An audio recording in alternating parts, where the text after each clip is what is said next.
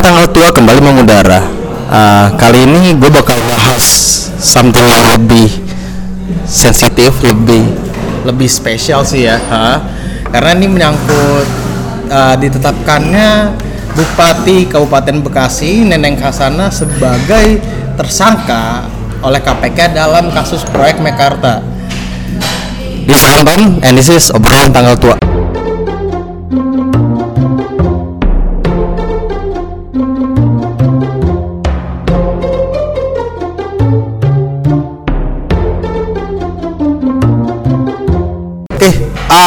Kalau misalnya ini sebenarnya shout out eh, episode podcast kali ini lebih ditujukan kepada terutama untuk anak-anak Kabupaten Bekasi ataupun mereka yang aware ya terhadap uh, kondisi politik.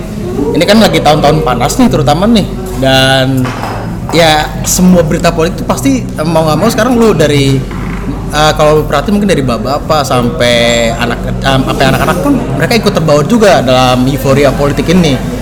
Nah, di antara eufo- euforia politik sedikit atau banyaknya kejadian-kejadian buruk termasuk salah satunya adalah ditetapkan tersangka seorang kader partai yang juga kebetulan seorang tim sukses, tim pemenangan dari salah satu seorang seorang presiden, ini pasti menentukan juga dong gitu. Tapi gue gak bakal banyak bahas di sisi itu, gue bakal lebih banyak bahas itu kepada eh, gimana sih re- reaksi eh, ditetapkan neneng sebagai tersangka ini. Karena ya ini something yang benar-benar apa ya nggak terduga aja sih. Meskipun memang banyak orang yang udah oh udah menduga oh bakal kayak gini ternyata. Gue tapi sini. Bakal sendirian gue sini bakal temenin sama berapa guest gue ada Rufan halo. Halo, halo. oke dan ada satu lagi ada Radit. Halo, halo, kayak satu dua.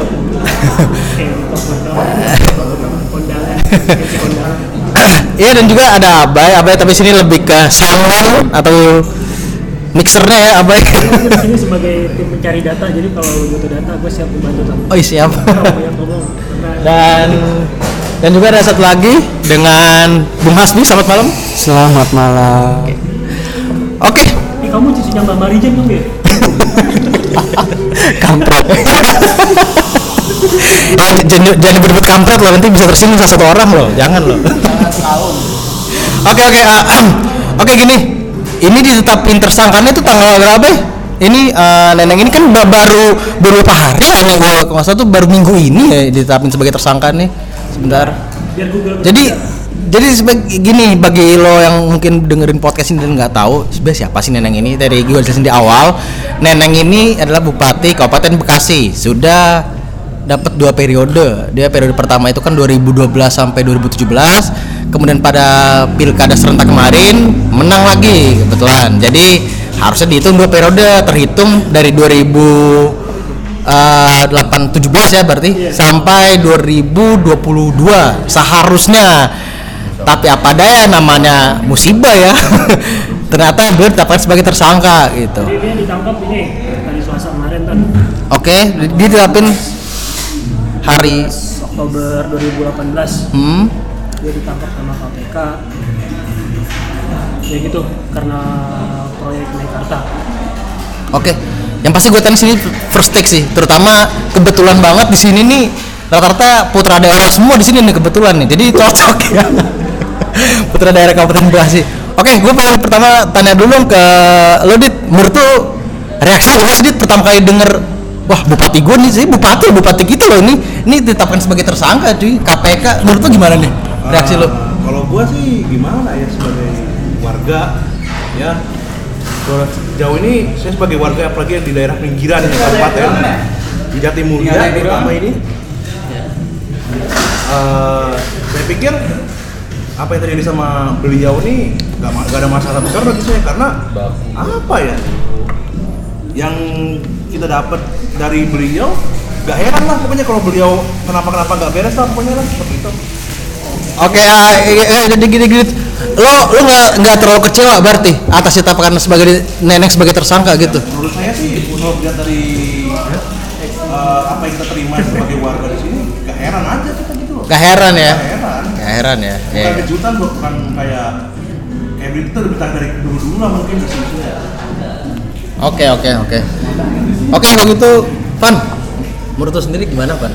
reaksi terhadap itu karena dia neneng sebagai tersangka nih apa lu senang atau lu justru sedih gitu kecewa gimana Iya. sebagai putra daerah gimana Mana ya? Ya sedikit banyak sih.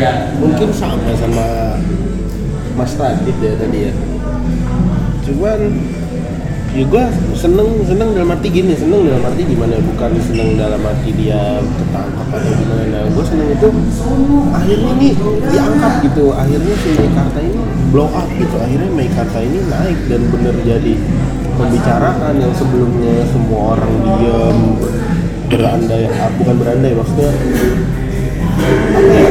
Kayak semua tuh wah Meikarta nih gila bakal angkat Bekasi. Tapi ternyata bermasalah tuh kayak nggak ada yang mau dengar pada awalnya tapi sekarang akhirnya bener-bener diangkat ke permukaan dan jadi masalah besar gitu. Dan semoga aja sih ini menjadi titik terang gitu buat Meikarta nih kalau ini tuh memang nggak beres proyeknya gitu. Dan terakhir bukan terakhir ya gimana maksudnya? Satu lagi? Satu lagi eh, akhirnya bupati kita diganti ya akhirnya.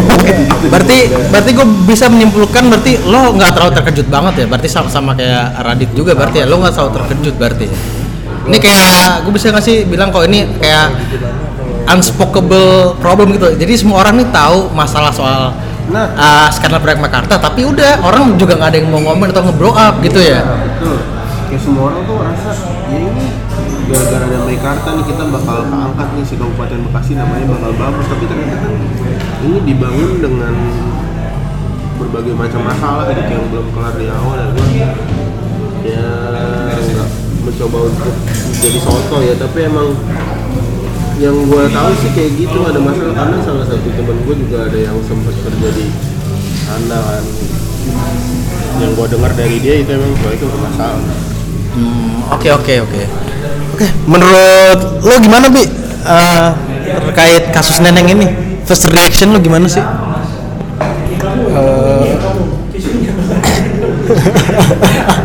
Ya itu diba- dibahas setelah ini nanti ya Mas Abah ya. Ya gi- gimana? Menurut lo? Ya kalau waktu denger waktu denger beritanya ya kan dari beberapa eh, media gitu ya termasuk Land Today. Yang yang yang beritanya kadang suka kontroversial dari sisi redaksi. Ya. Eh, terus ya cukup kaget sih. Ya kaget-kaget. Bingung-bingung seneng ya.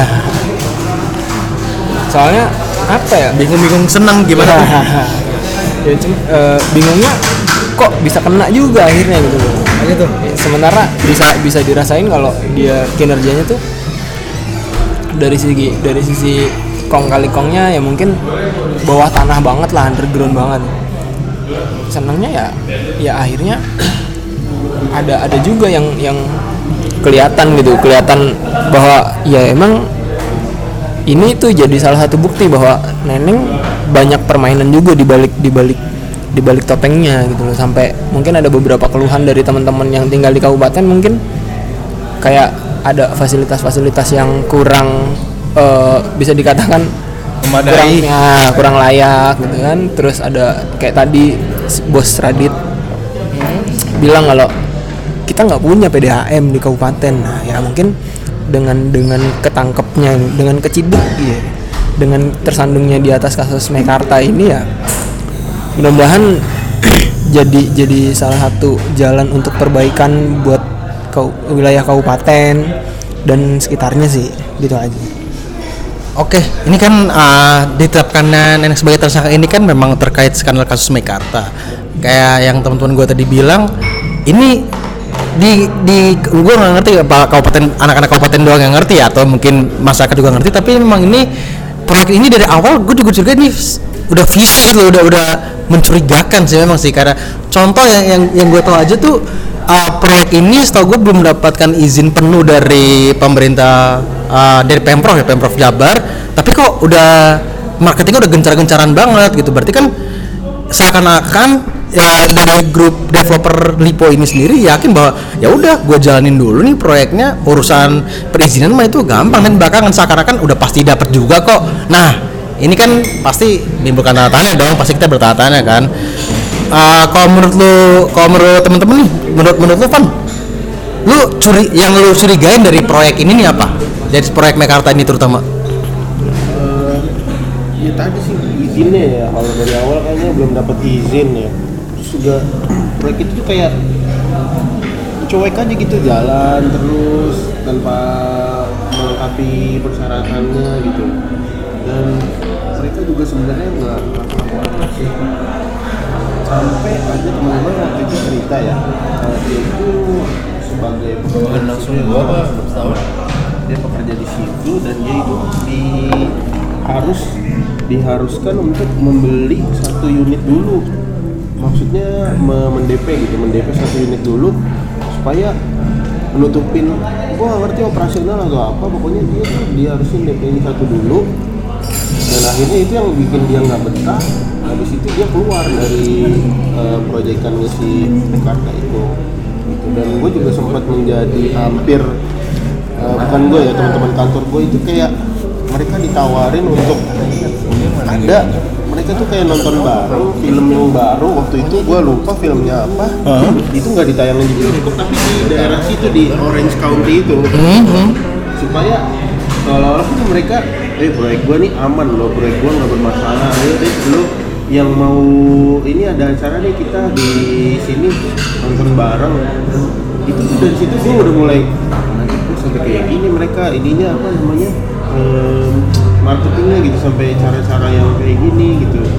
Untuk menutupin mereka tuh kalau mereka tuh sebenarnya belum beres gitu loh. Hmm. Kayak gitu sih Tapi lo juga merasa nggak sih kalau marketing Mekarta ini dibandingkan gue pernah melihat berapa kali em, apa namanya pemasaran di proyek-proyek apartemen ataupun mungkin de- developer perumahan itu pasti pasti gencar dong. Misalnya mungkin grup-grup lain, grup pengembang lain ya. Tapi gue asli gue nggak pernah melihat baru pertama kali gue melihat yang segencar Mekarta ini. Artinya dia benar-benar ya mungkin yang kayak yang tadi lo bilang tadi Van ya dia benar-benar eh, ngincar orang sebanyak mungkin. Dengan nargetin kan harganya setahu gue juga ini harga yang terjangkau juga ini. Iya karena gue juga sempat ikut open house nya juga sih memang. Dan ini menggiurkan banget memang gitu. Nah, mungkin de- kalau menurut lu gimana sih Dit? yang menurut yang menurut lu mencurigakan selain dari sisi tadi tuh yang tadi Irfan jelasin apa aja sih? Ya gue bukan mencurigakan lagi. Gue pernah iseng-iseng jadi make- apa marketingnya Mekarta aja oh gitu boy gimana, gimana tuh wah, wah, ini wah, wah, lu nggak dipanggil deh deh wah, wah, wah, wah, ini menarik sih nih. Gimana gimana nih gimana nih? Ini gak ada orang yang tahu sih gak banyak yang tahu tapi oke oke haha gue pernah hampir hampir banget hampir. Jadi kayak gue awalnya nih gue anjir gue gabut nih gue pengen itu lagi lagi cari kerjaan kan. Terus gue fee-nya 5 juta sebulan. Jadi sebagai marketing nih gue seriusan lu? 5 juta sebulan dapat 5 juta gaji bersih loh sebulan. Itu belum sama bonus. Bonusnya eh, sekitar satu persen atau 6,1 persen gue lupa.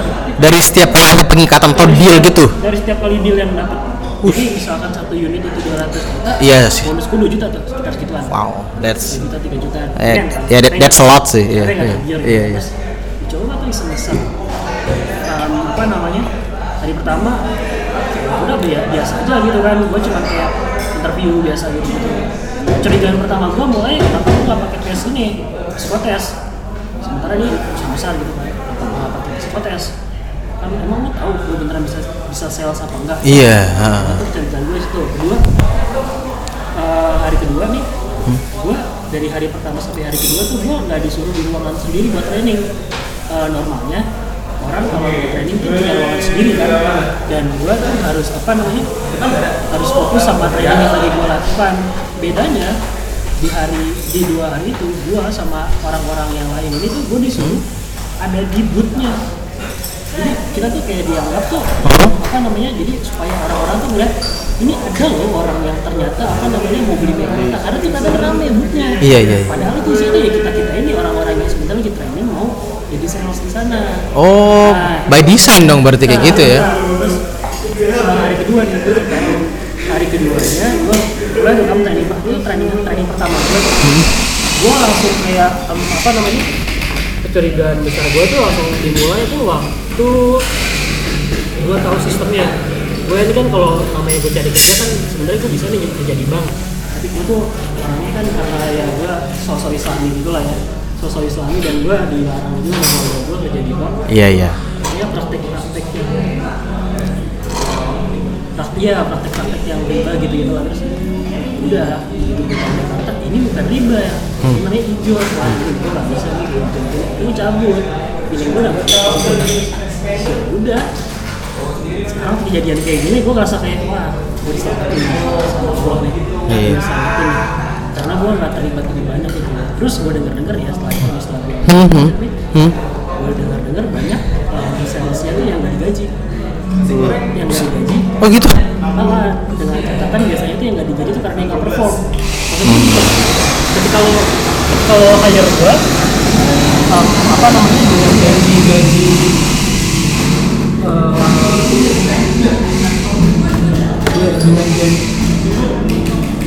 dengan janji gaji pokok 5 juta buat gue ya gue perform perform segitu gue dapat dapat dapat gue deh Iya benar. tapi ya udah gue ngerasa ini sih udah kebohongannya nih gue nggak bisa nih harus dibayar kayak gini itu sih itu tuh kecurigaan pertama gue Iya. dan akhirnya jadi tangkap ternyata ya nggak heran gue sih gitu loh Oke oke oke. Gue gue nangkep banget. Kalau ini emang emang benar-benar ya udah expected gitu sih ya. Iya, nggak bukan bukan unexpected dari lu pada. Kalau kalau menurut lu gimana Dit? yang janggal apalagi sih selain yang udah kita sebutin tadi menurut lu yang janggal lagi dari proyek Mekarta ini? dari yang janggal sih karena kebetulan saya kebanyakan sebelum ini di luar kota ya saya hanya sedikit sedikit tahu dari teman-teman atau dari itu kemudian tapi saya dapat berita waktu itu saya kan pesan gojek ya eh, di kala itu abang gojek itu curhat sama saya kira-kira isi curhatannya sama seperti yang disebutkan oleh kawan abai tadi Eh, kami sedang diskusi ini Iya gimana gimana, gimana tadi? Hah? seperti itu kemudian saya tambah lagi menurut abang gojek ini sih nggak tahu ya dia ini jujur atau enggak ya Iya, iya. dengan yang beliau lah pokoknya. katanya ter, apa turnover pegawai-pegawai ini nggak jelas tiba-tiba dia dipecat diberhentikan. Dan dia nggak sanggup kalau menurut saya sebenarnya dari itu udah nggak jelas kan seperti itu kira-kira. Kalau bicara lebih banyak tadi ya yang warga lokal yang lebih sering tempat tahu ya gitu ya. Oke oke berarti emang banyak banget sih kejanggalan-kejanggalan mulai dari tadi. Dengar sendiri kan tadi lu pada dari Abai dulu juga hampir sempet jadi marketing Mekarta juga. Dan memang ada ada apa ya? Ada kayak manipula bukan manipulasi tapi uh, seakan-akan di booth pameran dari Meka, uh, unit Mekarta ini tuh seakan-akan rame. Padahal nggak tahunya ini by design semuanya itu gue juga baru tahu ini sih. Ini inside info bagi lo yang belum tahu termasuk gue juga belum tahu soal ini. Kemudian dari sisi sisi perizinan juga gitu loh oke so ya yang udah terjadi terjadilah. Padahal nenek udah tetap- tetapin tersangka ya udah gitu. Nah kalau gue gue tarik lagi ke belakang. Ini asli gue bingung pencapaiannya apa. Ini gue bingung bener-bener sih asli ini. Karena gue nggak nggak gue sebagai warga Kabupaten Bekasi yang kebetulan memang masih pa- pada saat dia menjabat gue kebanyakan di Malang saat itu ya karena gue masih kuliah. Itu ketika gue balik sini juga gue nggak nemuin banyak perubahan gitu loh. Nggak nemuin banyak janji-janji kampanye dia mungkin Nara bisa ngejelasin mungkin uh, untuk janji-janji kampanyenya setahu gue dia salah satunya Lu tau gak sih pembangunan underpass Tambun itu bukan satu janji kampanye dia kalau nggak salah ya itu ya? Pembangunan underpass Tambun itu. mau ngebahas underpass Tambun dulu tapi ini gue dapat fakta-fakta menarik nih Oke. ya Oke oke ha. Eh, Google berbicara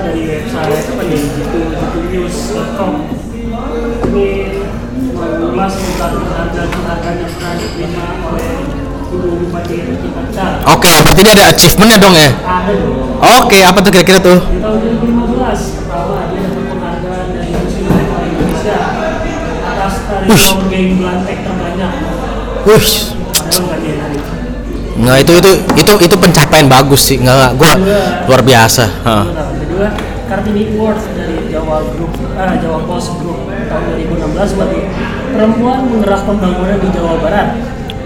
Apa yang bangun gua nggak tahu juga eh, penghargaan perempuan pelopor dari Daftar Media tahun 2016 sebagai Bupati perempuan pertama di Bekasi. Iya, kan? pertama gua nggak tahu juga. Itu sih tiga itu doang udah. itu apa tuh yang duo itu apa duo 50 persen itu apa itu pencapaian lu? Itu iklan, bukan pencapaian dia di Domino Plaza, bukan kayak Tolong ya, tolong anda serius. saya kira itu juga di pencapaian Ini saya kira negara saya kira itu pencapaian maaf maaf itu Ini masalah habis satu satu kolom tadi Ini masalah rakyat. Ses- seserius itu ya mengurusi negara Oke oke. Wah ternyata ternyata gue baru tahu loh ternyata bupati mantan bupati Kabupaten Bekasi atau Kabupaten Bupati Bekasi nonaktif Bupati Bekasi nonaktif ini ternyata apa tadi? Warga pembangunan Jawa Barat. Kan kan main coy. Wuh, elah bener-bener luar biasa. Bangga bangga nggak sih pada gua, sih bangga. Oke oke, nggak, tapi eh, kita ta- tarik balik lagi sih guys, Eh, lebih ke janji, lebih ke janji kampanye, karena dia pas, pasti pada saat kampanye ya wajar sih pasti namanya namanya pada waktu nyalonin pasti ada janji kampanye dong pastinya.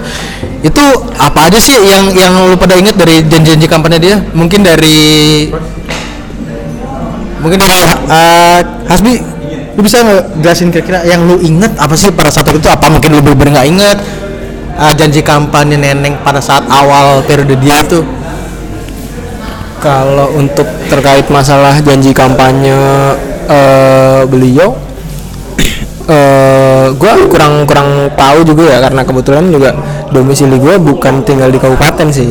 Jadi ya gue kurang begitu merhatiin aja. oh bukan dari kabupaten pak ya oh saya berarti salah nanya orang salah Oke, berarti dari kabupaten aja nih Putra Daerah.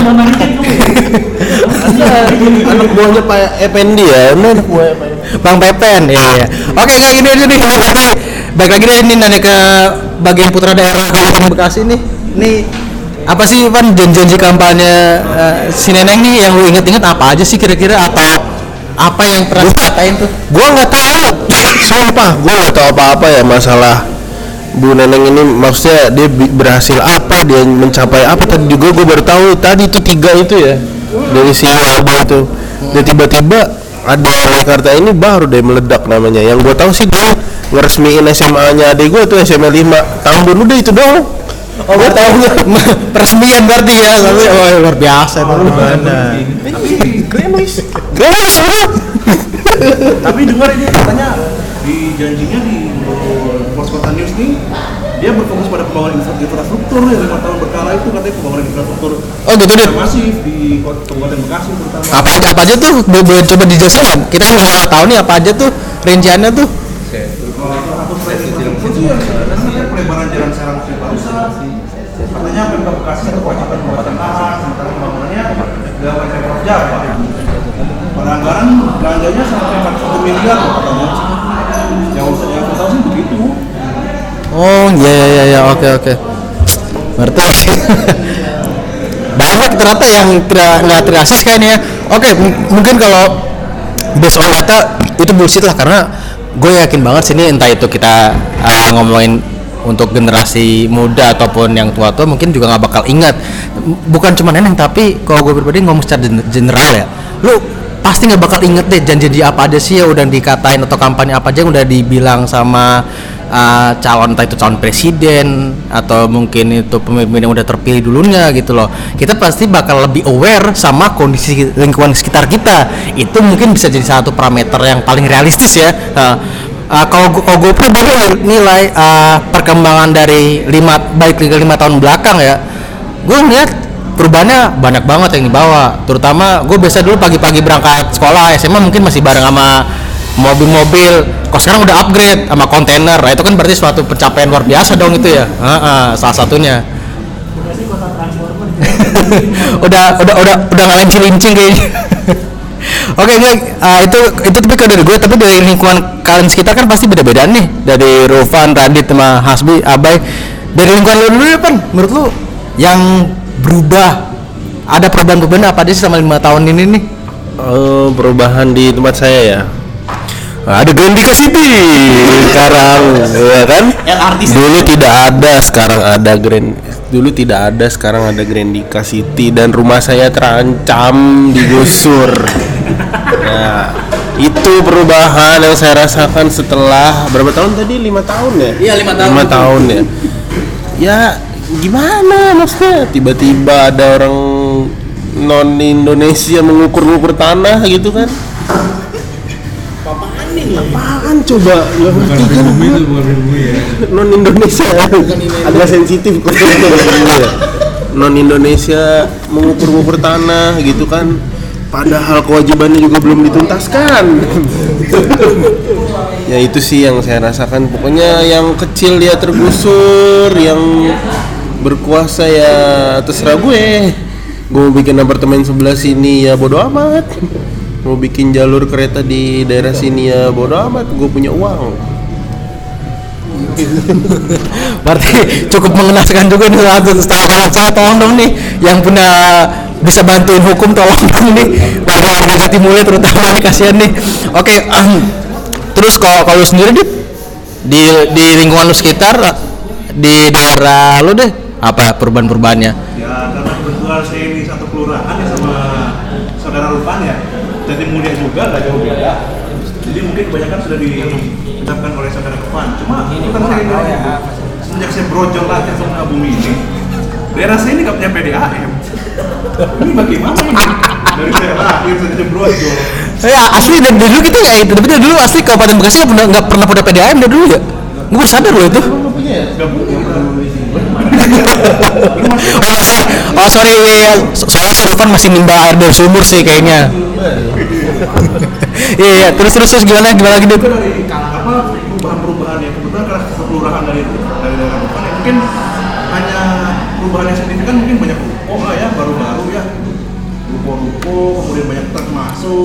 besar gitu ya. Ya saya pikir ya gitu. Tapi jalanannya ya. Kalau kata orang-orang daerah sini masuk berbalik tikung katanya. Berbalik tikung Oh gitu. Berarti pada pertemuan ruko. Gue gak ini mungkin ini mungkin bisa dikrosek ya, tapi gue pernah dengar pernyataan salah satu seorang politisi bahwa parameter ekonomi pertumbuhan ekonomi kita itu dengan tumbuhnya banyak-banyak ruko. Nah berarti pertumbuhan di Kabupaten Bekasi di lingkungan selama dit berarti nunggu dong dengan banyaknya ruko. Ini bisa cross check ini salah satu pernyataan politisi tinggi loh. Kok nggak salah sih di DPR, kok nggak salah orangnya. heeh. Siapa yang? Emang kalau rukonya banyak, eh, perekonomian masyarakat otomatis terangkat. Ada yang pernah bilang kayak gitu sih, Bay. Kalau rukonya banyak tapi parkiran yang nggak ada, jalanannya jadi enak juga. Emang enggak sih, emang.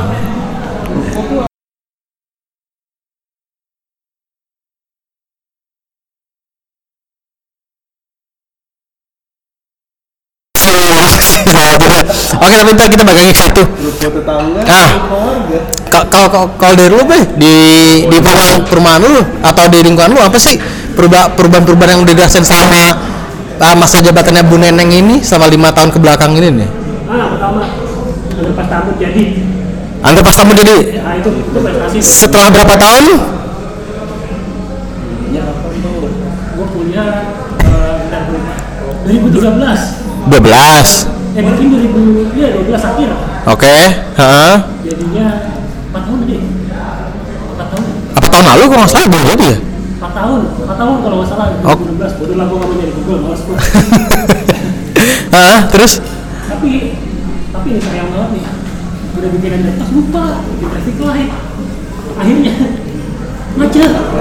Jadi gue, gue merasa lebih baik bukan underpass. Ini langsung aja flyover sampai ke ini langsung menurut saya. Iya, iya. Ya efektif, percuma ada underpass. Iya. Nah itu doang. Lo nggak tahu lagi yang lain soalnya di lain. Mungkin daerah lain kayak jadi mulia gitu ada apa sih pertemuan kan? Nggak, nggak, tapi tapi gini deh. Gua udah bilang Ya itu ada pertemuan baru. Tapi tadi lo bilang ada ini, ada ada kejadian lucu di Jatimulya. Kalau apa namanya? Kalau ada yang kondangan langsung macet ya sampai. oh itu Bung Radit itu yang mengalami Gimana Jadi, gimana? Gimana deh? Kan yang cerita lu dong soal keluh kesal hidup di Jatimulya ini. ya jadi gimana ya jalannya kan kecil ya jadi dia ya bukan begitu Bung Rahman ya jadi kan karena semakin banyak maju kendaraan masuk keluar orang otomatis dari jalan besar. Kalau timur itu pasti larinya kalau alternatif ke Jati Mulia. Nah ketika ada orang kondangan entah itu di dalam komplek atau di luar komplek pasti macet dan itu hasilnya bakal kamu tuh bakal ngantri di depan tol sekitar sejam dua jam. Sampai sampai pasti setiap hari dishub dan polisi itu pasti turun di depan tol timur kan ya? Emang emang dulu nggak begitu Ah, dulu sih. zaman saya masih kecil masih SD SD sih. Saya kalau naik angkot sih nggak kayak begitu ya. Jangan dibandingin malih, malih. Oke, nah gini tapi gini. Eh, sini- sini kan pasti lu, pada- lu pada kan pasti sering komut gue laki ya udah pernah kerja lu pasti sering komut lu eh, ngelaluin jalan-jalan di Kabupaten Bekasi. Entah itu mungkin ada lu yang kerja di daerah Cikarang ada yang kerja mungkin di eh, ngelewatin Kalimalang. Itu kan masih Kabupaten Bekasi juga dong itu harusnya bagiannya.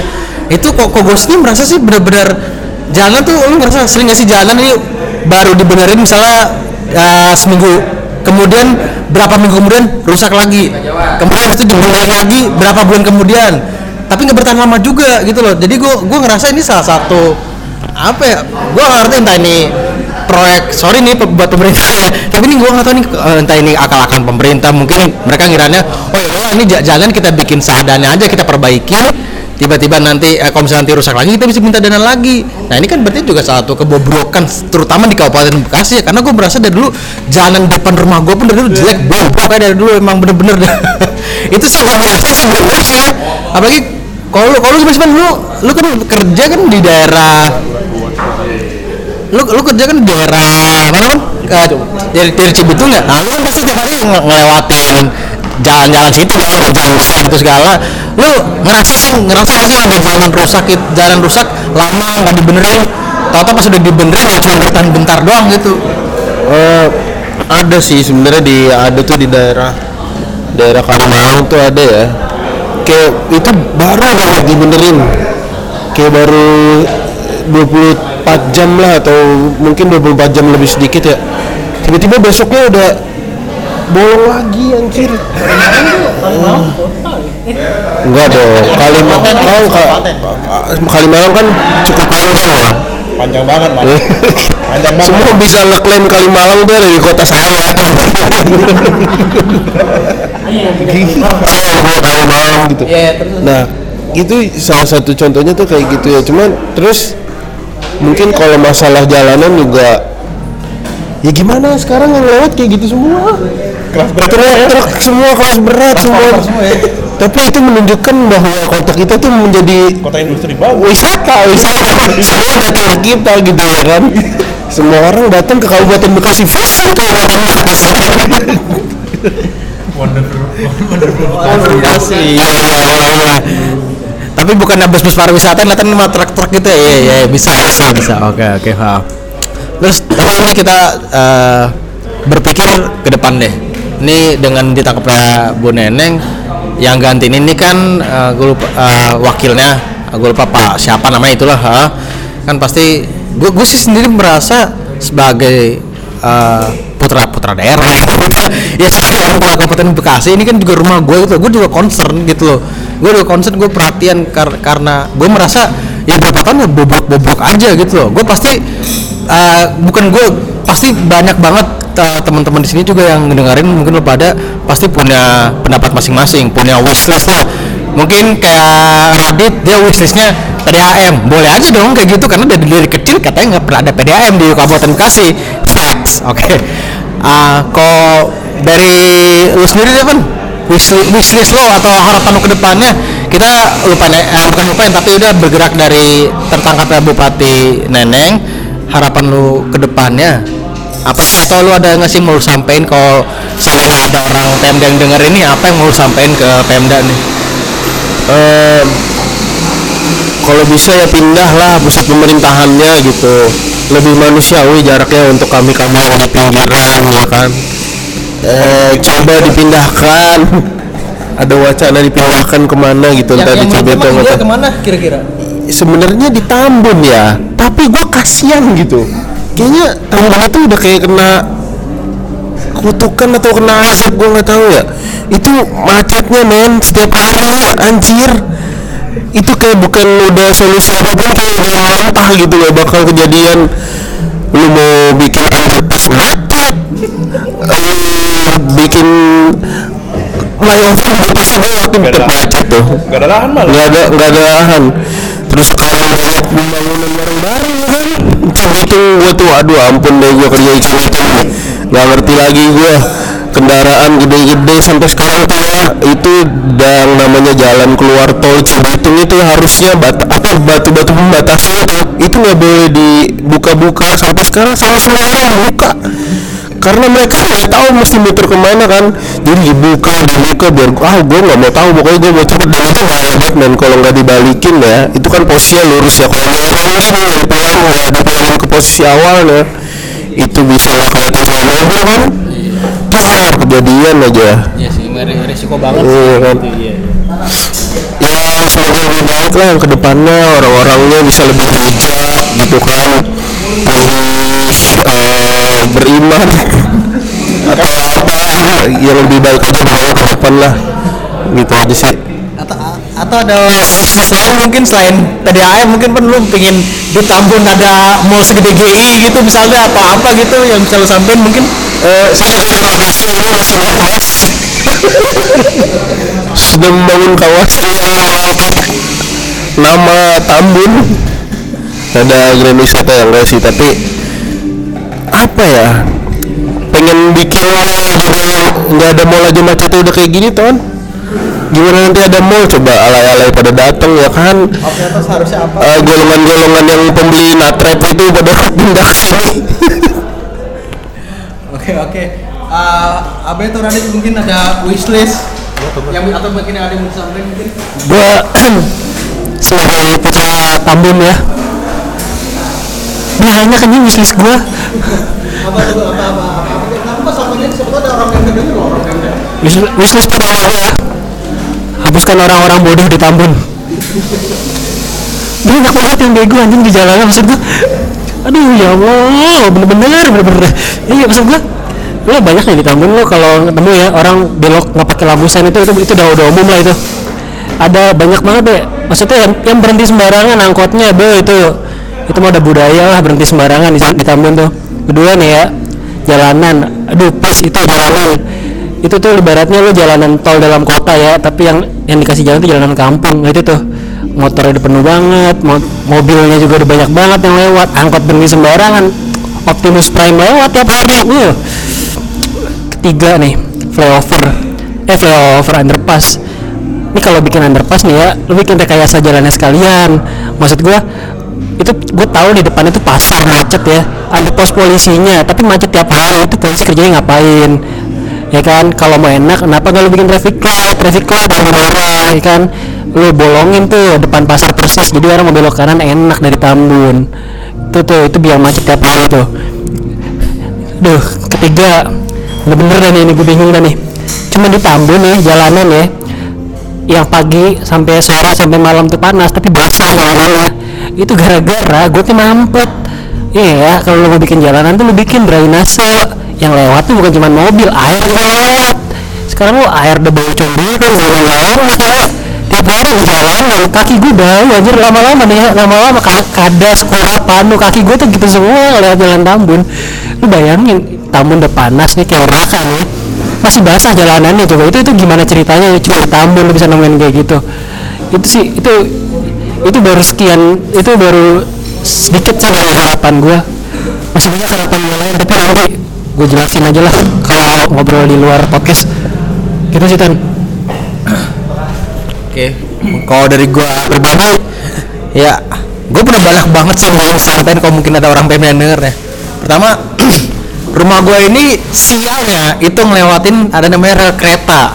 Setiap pagi, gua pun berangkat pagi jam setengah lima, itu pasti kena udah kena KRL karena KRL udah beroperasi dong jam segitu ya. Oke, itu mungkin nggak terlalu. Tapi bagi orang-orang yang mungkin pulang masih ngersin pulang jam 5 itu bakal ngelewatin jam-jam busy hours ya kereta lewat kan. Itu tolong banget dong ya buat Pemda nih ya gue minta nih. Bikin entahlah lu mau bikin underpass kayak atau mau bikin flyover serah lah bodo amat. Pokoknya itu tolong banget tuh namanya rel kereta kompas dibenerin anjing. Pokoknya bener-bener ya tuh. Itu biar bener lah. Nggak tapi ini bener. Hampir tiap- bukan hampir tiap hari sorry. Tiap hari malah. Ini gue gue yakin jam berapa jam 11 nih? Jam 11 kurang nih. Masih ada macet nih. Terutama nih.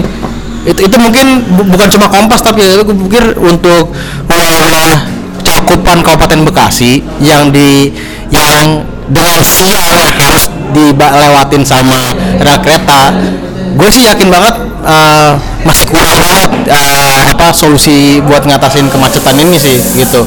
Jadi selama pada mau bikin underpass atau flyover gitu salah satunya gitu sih terutama. Eh, terus fasilitas umum ini juga salah satunya. Karena gue pernah gue orang yang pakai kendaraan umum tiap hari ini gue pakai. Gue tapi naik dari jatuhnya kok kota Bekasi sih dari, dari kota Bekasi sebentar Eh, jadi memang harusnya ditambahin lagi armada bus terutama tuh terutama dari yang daerah Kabupaten Bekasi. Ah, sorry banget karena kita di sini nggak punya yang hadir di sini terutama sih nggak ada yang cakupannya sampai anak-anak ah, daerah-daerah Cikarang mungkin kali ya. Ini mungkin ntar bisa disampaikan mungkin buat anak-anak yang cakupan Kabupaten Bekasi entah daerah Cikarang atau daerah mungkin ntar bisa disampaikan nih Oke, eh, mungkin Dit, lu ada ada lagi mungkin Dit yang mau lu tambahin kira-kira apa aja? Ada. Oke, apa aja kira-kira? Eh, kalau dari saya sih kan kalau tadi kan bahasannya mengenai infrastruktur ya kalau saya sih lain mungkin ya lebih ke arah pelayanan publik mungkin seperti kata saya tadi untuk urusan pemerintahan dan urusan-urusan lainnya itu jauh banget loh di- sekarang itu dari Tambun dari itu ke daerah sebenarnya mungkin lebih baik. Kalau diadakan kalau contoh-contoh seperti mall pelayanan publik begitu. Jadi dipermudah di daerah-daerah yang di pinggir-pinggiran. Kalau kita mau ke daerah Tamas jauh banget loh dari Tambun. Itu harus muter banyak dan harus lewatin truk-truk jalannya wasak juga.